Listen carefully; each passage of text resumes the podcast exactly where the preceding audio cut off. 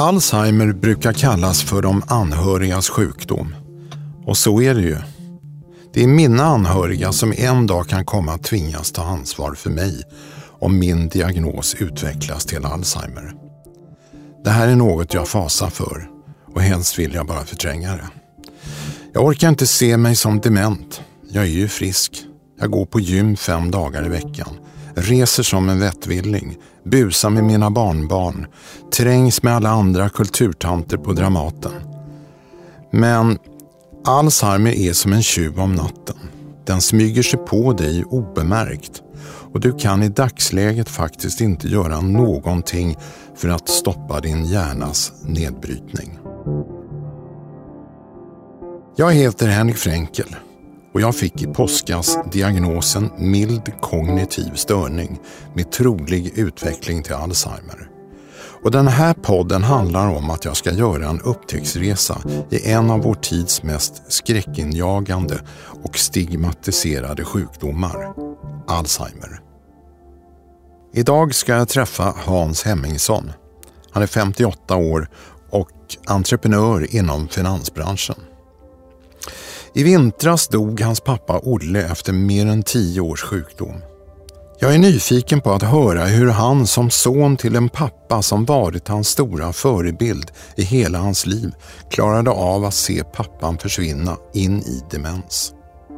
Men det speciella med just det här samtalet är att Hans och jag är nära vänner sedan 25 år tillbaka. Jag fick tidigt reda på att hans pappa var sjuk i Alzheimer. Jag träffade också pappa Olle några gånger. Men framför allt har jag följt min kompis Hasses ängslan och ångest över att inte räcka till under hans pappas sjukdom.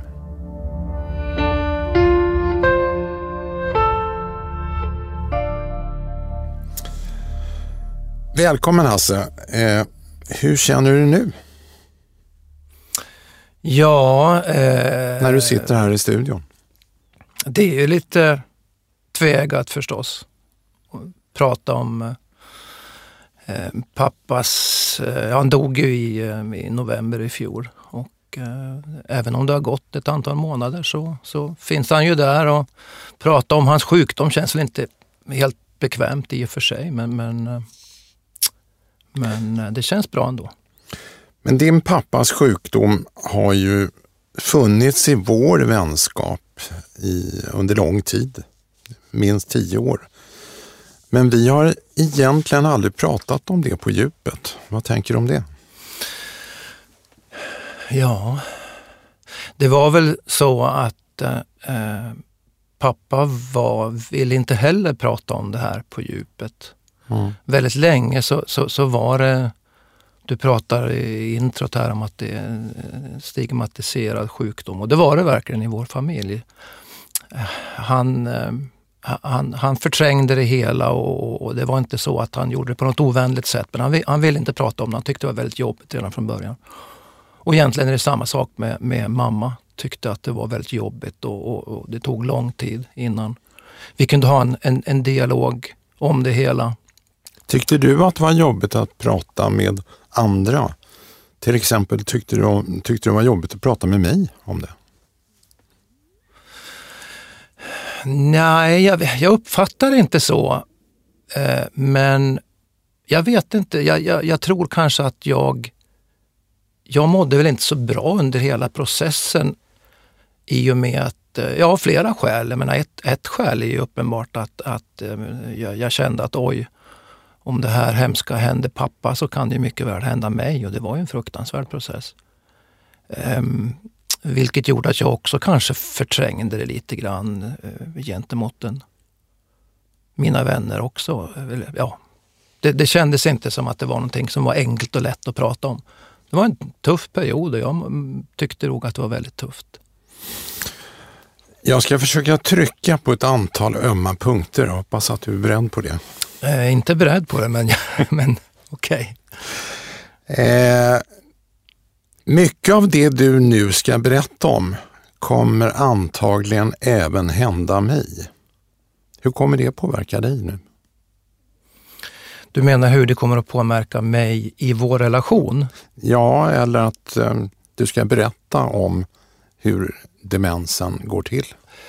Ja, eh, det, det, vet jag inte. Du har ju valt att vara rak och öppen och ärlig till 100 procent om, om den här sjukdomen som du då kanske eventuellt kommer att, att gå in i. Eh, det, det, är klart att eh, nej men jag kommer inte försöka Hålla igen? Hålla igen, det, det, det tror jag inte. Utan jag tror att jag, jag måste väl också vara öppen och rak och ärlig. Och, mm. Även om det kanske kan göra ont någon gång ibland. Okej. Okay. Jag ska försöka stå ut. Vem var din pappa Olle för dig?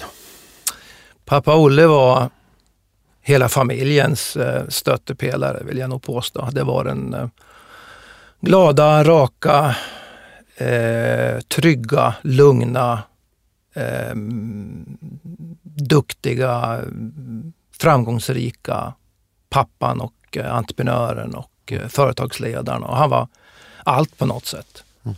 Mm. Eh, och givetvis en, en väldigt stor förebild för, för mig i, i hela min uppväxt. Han var, det var liksom, ja, det var den, eh, den eh, det var idolen. Hur upptäckte du första gången att det inte stod rätt till med honom? Vi, det kommer jag ihåg väldigt väl. Det, det, är ganska precis, det var ganska precis tio år innan han dog. Vi var nere i eh, Alperna, jag och mina två syskon och pappa.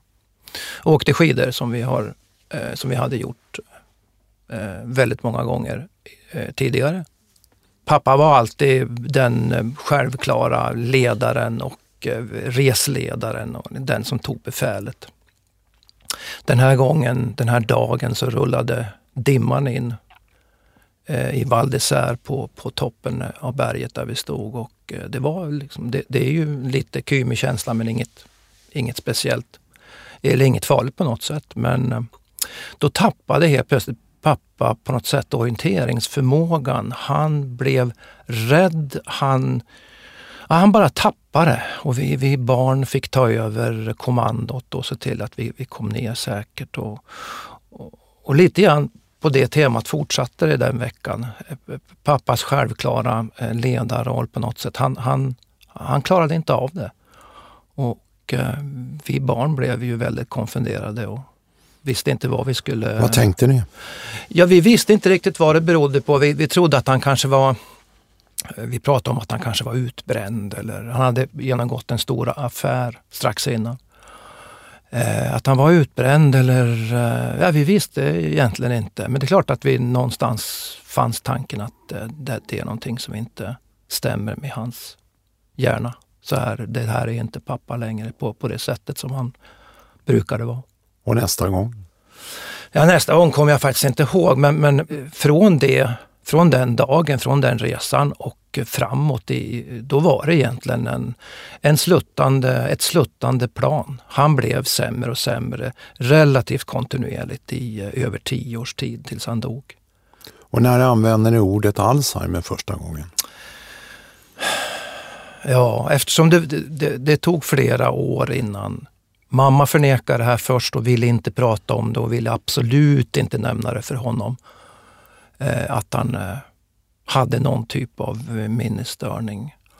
Eh, vi barn pratade om det och vi eh, var frustrerade över att man inte tog tag i det här hemma. Och så att det, det men eh, första gången vi, vi nämnde eller vi, vi kom i kontakt med, med själva sjukdomen och sjukdomsbegreppet, det var väl när han var på första testet. Vi, vi skickade honom till eh, husläkare. Mm. Så hans husläkare gjorde ett enkelt test och eh, eh, sa att eh, ja, det här ser faktiskt inte så jättebra ut. Jag vill gärna skicka det vidare. Och då var vi på ytterligare tester med pappa och eh, det var rätt uppenbart att det, det var en demenssjukdom. Och, och, och, ja, det var, det var där som så att säga själva sjukdomen tog tag i familjen. Eh, men sen så, även efter det, så var det väldigt jobbigt att överhuvudtaget prata om det. Du har sagt någon gång till mig att läkarna gav er anhöriga rådet att inte påminna om hans Alzheimer. Nej, det var väl det, nu, nu, nu, nu är inte det kanske direkt i början när det var en relativt... Eh, Men han ville inte höra ordet? Alltså, rådet var att inte behandla honom som sjuk och när han eh, kom med frågor, när han eh, eh, kom med frågor som uppenbart var kopplade till att han var sjuk, då skulle vi inte så, så här, rätta honom eller säga pappa, gud vad du är glömsk eller pappa, ja, någonting som kopplat till sjukdomen utan då försöka att eh, hålla med och bara säga, eh, jamsa med i princip. Och, och, och så att eh, inte göra honom på, på, inte ge honom mer ångest än vad han redan hade. Mm. Men det är ju någon form av förnekelse, eller? Ja, jag vet inte om jag vill kalla det det. Han, han, han visste ju om att han var sjuk. Det, det förstod han, eh, eh även om han som sagt, han ville inte gärna prata om det. Men han visste att han var sjuk. Och vi såg det väl som en, en, en barmhärtighetsåtgärd, eller vad heter det? Av barmhärtighet att vi eh, inte skulle påminna honom om att han var sjuk och mm. inte så att säga kritisera honom för att han hade dåligt minne eller inte kom ihåg saker och ting utan att vi försökte liksom mm. se till att det inte gnisslade i, i, relations, i relationen mellan oss utan att han, han fick eh, ja, lugn och ro. Han var ju förebilden och han var den starka och han var gudfadern i, i, eh, i familjen. Hur tog han sin sjukdom själv? Ja, det var ju någonting som vi, vi eh, som kanske gjorde det hela jobbigare ändå var att han verkligen absolut, han, han ville inte prata om det.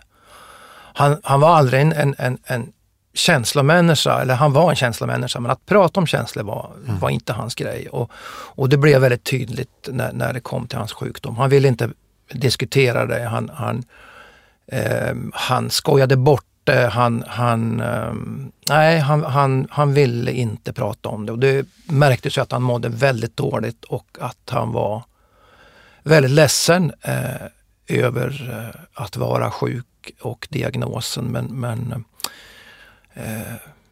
det var egentligen bara någon gång under hans sjukdomsperiod när jag satte honom, när vi satt en bil kommer jag ihåg och, och, hade en rätt lång resa som jag verkligen frågade hur det kändes att vara sjuk och, och hur han såg på sin framtid. Och, eh, men han blev väldigt ledsen och han, han, han, han visste ju att han var sjuk så mycket förstod jag under det samtalet. Mm.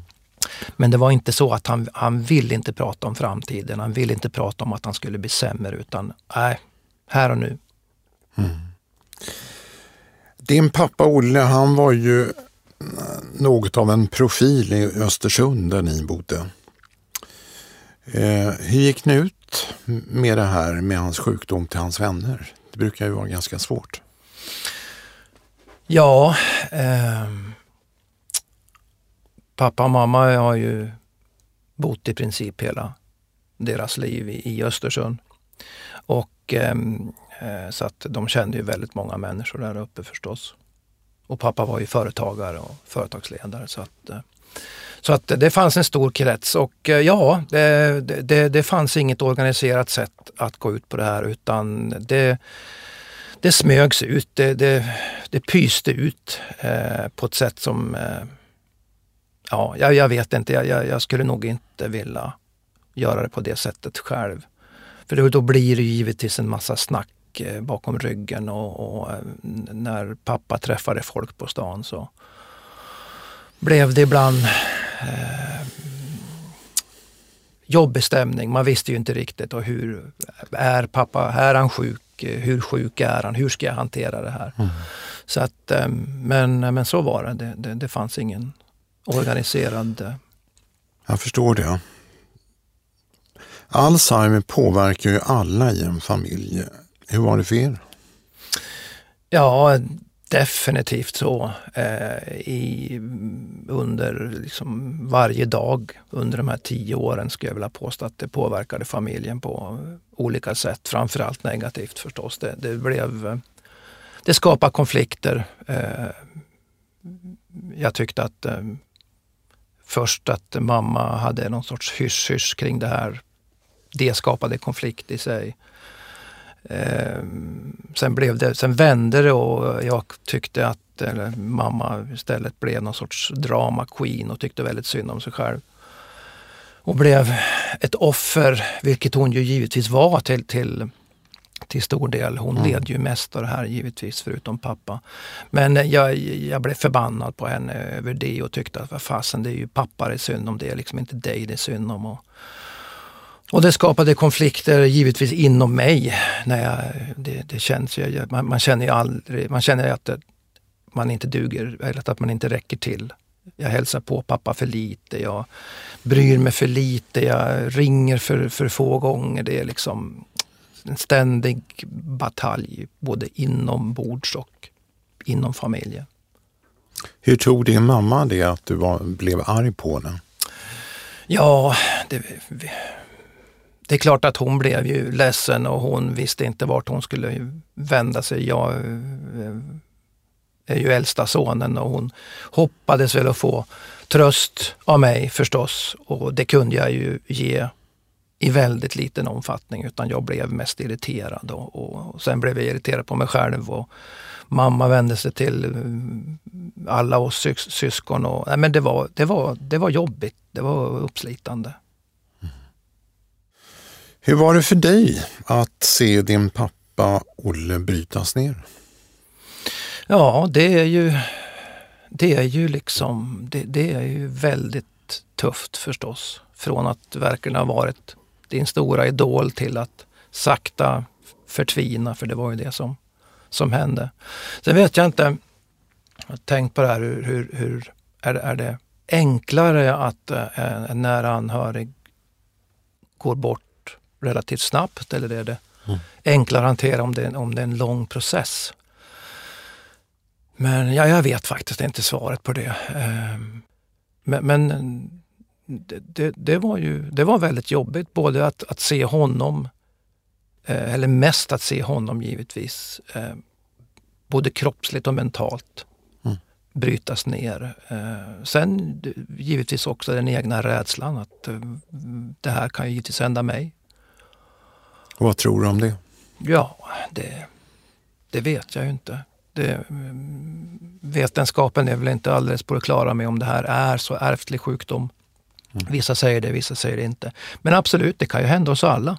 Och det är, en, eh, det är definitivt en skräck. Och, och, och äh, ja. Skidåkning var ju något som band ihop dig och din pappa och ni var mycket i skidbackarna i Åre. Mm. Ni har en stuga där. Berätta om sista gången i backen ihop. Ja, det var ju... Eh, vi försökte ju det längsta att aktivera pappa förstås. Och han ville det och han pratade ju om att han skulle ut och åka och eh, åka längdspåret. Och han var ju bra bit över, över 70 år när vi var ute i backen eh, sista gången. Men, men den gången så, så funkade det helt enkelt inte utan eh, då var han så svag i kroppen och så förvirrad så att till sist så fick vi i princip hålla upp honom för att han skulle ta sig ner. Det var ett hemskt ögonblick men, men vi eh, och vi visste ju då att det här är sista gången han, han eh, står i en skidbacke, står på skidor. Det var ju givetvis jättejobbigt för, ja han förstod ju inte det utan han, han ville ju på det igen men vi kände att det här, nu är det klart. Mardrömmen för alla anhöriga till Alzheimersjuka det är ju att bestämma när det inte går att ha sin pappa eller mamma eller vem det nu är hemma längre. Hur var det för er? Det var precis så. Det var en mardröm. Det var en lång process och den var ju fruktansvärt jobbig. Från att vi började diskutera det hela. Det här med vad, vad som skulle hända för att det blev ju jobbigare och jobbigare. Det var mamma som bodde tillsammans med pappa och det blev, eh, han, eh, han blev jobbigare att hantera dagligdags. Han, han började gå, kliva upp på nätterna och han ramlade vid flera tillfällen och visste inte vart han var eh, och togs inte upp. Och vi, vi insåg ju att eh, det är klart att det här, vi måste vi måste hitta en lösning och vi hade sagt att aldrig i livet att pappa ska behöva åka in på ett hem och spendera sina sista dagar där. Aldrig. Varför sa ni det? Därför att det bara kändes som att han, han eh, i princip hade ju bott hela sitt liv i, i det här huset och i den här lägenheten. Mm. Och vi visste att han älskade den här platsen och då tänkte vi att lite naivt att eh, ja, ja, då är det självklart att vi ska se till att han, han får vara kvar här. Men, men det, det, det visar ju sig att det, det, det var naivt tänkt. Det, det funkade inte. Det, då skulle man i princip ha, ha behövt eh, eh anställa en eh, sköterska på heltid.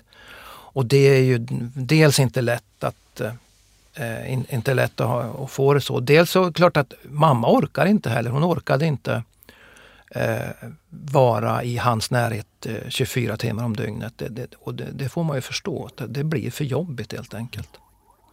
Så att ehm, så hur då, gick det till då? Ja, vi, eh, vi tog ett första trevande steg och, och, och att pappa fick eh, komma, komma bort på, eh, under, på dagtid under ett antal dagar. Avlastningshem eller vad man nu kallar det. Mm. Och sen så blev det några nätter och sen så försökte vi också att, att skicka upp honom på, på ett hem norr om Östersund och det var jättehemskt. Han, då var han fortfarande, ja pigg vet jag inte, men det var relativt tidigt. Men han var medveten? Han var medveten men han var inte som, det vi fick säga, vi fick ju ljuga för honom helt enkelt. Vad sa ni? Vi sa att nu ska du åka på ett rehabiliteringshem eller en hälsogård. Ungefär mm. som mamma brukar få göra. Mm. Och det ska bli jättehärligt och bla bla bla. Och mm. jag åkte upp med honom i, i bilen och eh, vi gick in där och han, eh, ja, och vi tittade oss omkring. Det var lunch, vi skulle äta lunch. Jag var där och åt mm. lunch med honom tillsammans med övriga gänget som, som satt och, ja men det var en, det var en hemsk syn att se pappa här och han tittade sig om, kommer jag ihåg, och eh, på de andra som satt runt bordet förundrad och tänkte, alltså, jaha, men vad, vad gör jag här då? När, när ska vi åka hem, sa han. När, va, när, ja, men du ska vara kvar här några dagar och, och tas om hand. Och, mm. och han sa inte så mycket, men han, jag såg ju på hans blick att han, han tyckte det här var väldigt märkligt. Jag vet inte hur mycket han förstod, men, men, men han, han var ju väldigt obekväm. Och han skulle vara där en vecka. Och eh, efter bara ett dygn så, så, så ringde de från hemmet och sa det här går inget bra. Det, det är nog kanske lite tidigt. För då satt han, jag kom upp och hämtade honom och då, då satt han i, i fönstret ute i farstun och tittade ut på parkeringen och frågade liksom, okej, okay, ja, här sitter jag. Och när, men, men när ska jag åka hem? Jag förstår inte det här riktigt. Det är en hemsk bild. Ja, det var en hemsk bild. Det var det var det. Var det det var, det var nog den värsta enskilda bilden under hela hans sjukdom, tror jag.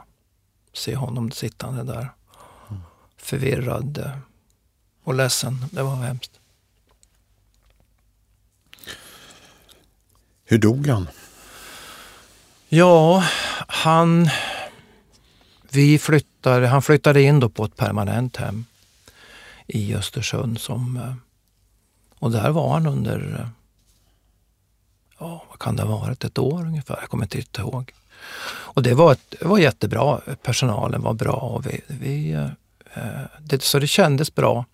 Men, eh, men han blev ju stadigt sämre och eh, han, han vi försökte att aktivera honom och promenera med honom. Men han, han kroppsligt, han hade även eh, diabetes, jag vet inte om det hur det påverkade det hela. Men, men kroppsligt så, så kändes det som att han, han blev tunnare och tunnare. Och, ehm, och sen så blev han mer förvirrad. Han satt i rullstol och började under några gånger som han ramlade ur rullstolen. Eh, och slog sig ganska rejält. Eh, och när han den andra gången de ringde och, och, sa att han hade ramlat igen, då, då hade han eh, träffat Eh, huvudet mot en stol. Eller, ja, och eh, då så var han blå på många ställen på kroppen och det såg, eh, det såg hemskt ut, även i ansiktet. Så då, och från den dagen så, så låg han och, och togs inte upp. Han, han hade ont. Jag försökte att lyfta på honom några gånger och se till att han kom ut. Men, men han bara, nej det, det funkade inte. Och det var kanske, och sen låg han i princip då i sin säng där i några månader innan, innan han uh, tynade bort helt enkelt. Han dog 30 november på kvällen. Vad tänker du om det? Det, det är ju en, det är en hemsk tan tanke att ens förälder dör. Men det är också en hemsk tanke att tänka att det kan vara skönt också. Ja, ja det var ju verkligen tveeggat. Det är klart att det, det var fruktansvärt jobbigt. Men, men eh, som sagt, han, han, han levde inte ett värdigt liv de, de sista ett, två åren. Det var, det var ingenting som han skulle önskat om han var frisk. Mm. Så att eh, det var, det, känslan var att äh, äntligen får han, får han dö och jag är övertygad om att skulle han få välja själv så hade han valt att dö mycket tidigare. För det, det, det är ju inte... Sista tiden är ju fruktansvärd, det sista året där han ja, mm. inte klarar av någonting själv. Och, och det, det, liksom, det, det blir ett lidande. Framförallt för honom givetvis, men för alla omkring honom. Så att det var en, det var, det var väldigt tungt och väldigt jobbig process. Eh, men, eh, men ändå på något sätt skönt att han fick eh, ro. Om du tänker att du är din pappa, Olle, och drabbas av samma sjukdom. Mm. Vad tänker du? Oj, ja.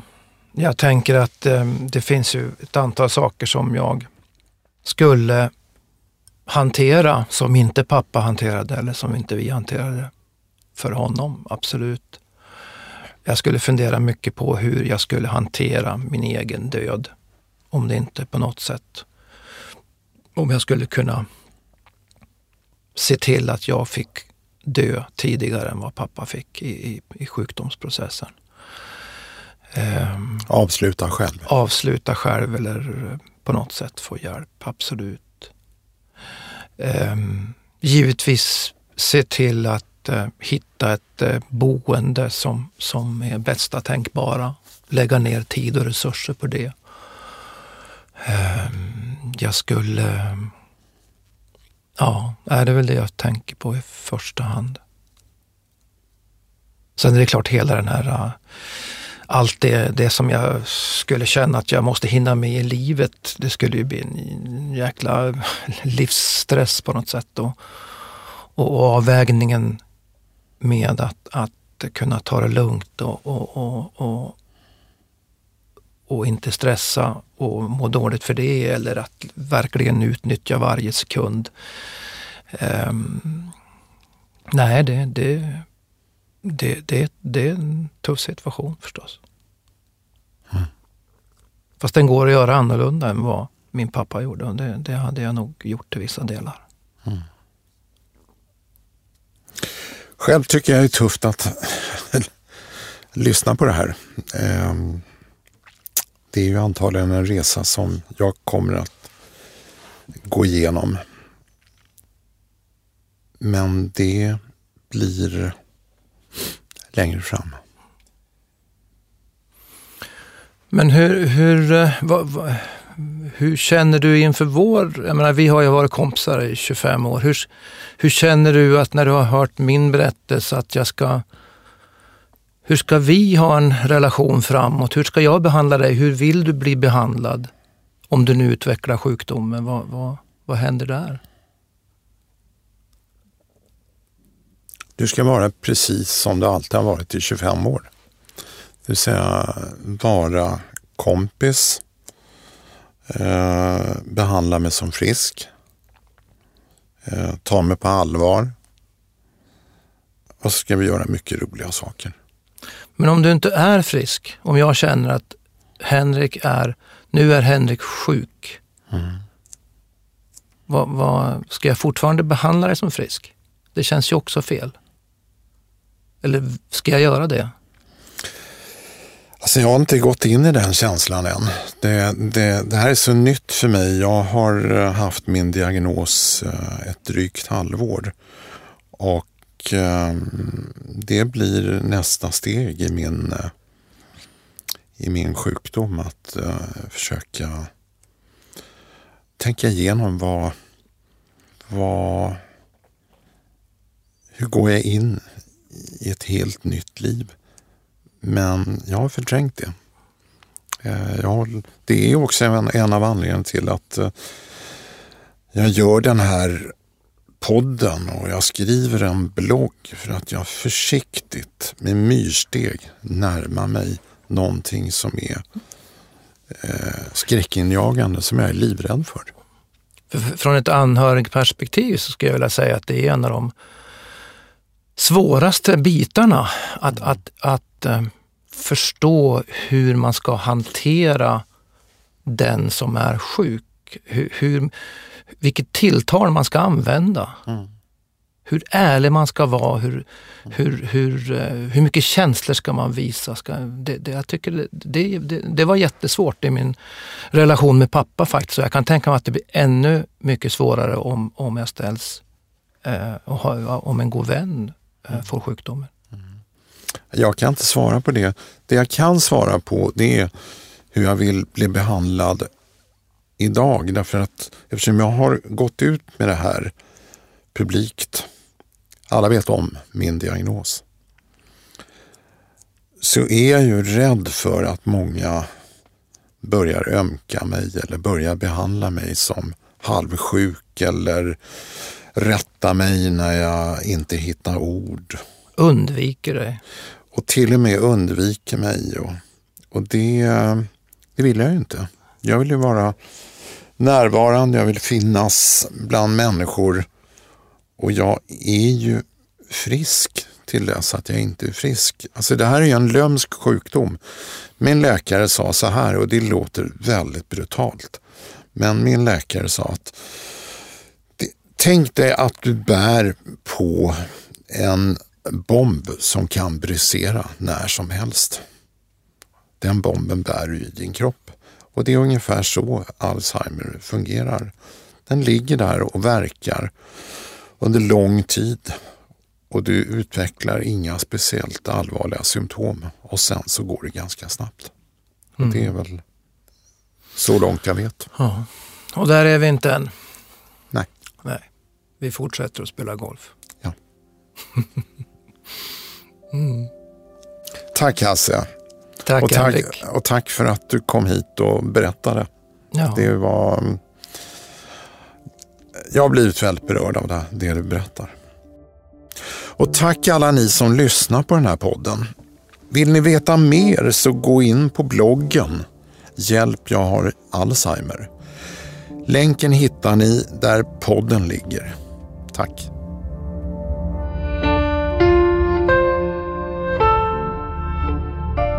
Bloggen och podcasten Hjälp jag har Alzheimer har också en insamling till förmån för forskning kring kognitiva sjukdomar. Ni hittar den på alzheimerfonden.se.